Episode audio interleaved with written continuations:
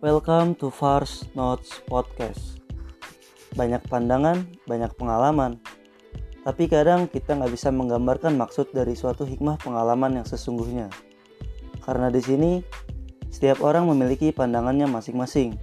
Dan gue sendiri nggak bisa berkata-kata banyak. Tapi intinya, semoga suara gue di sini bisa mengajak teman-teman semua untuk berusaha menjadi yang lebih baik lagi. Dan yang terpenting, sebaik-baiknya manusia adalah yang bermanfaat bagi manusia lainnya.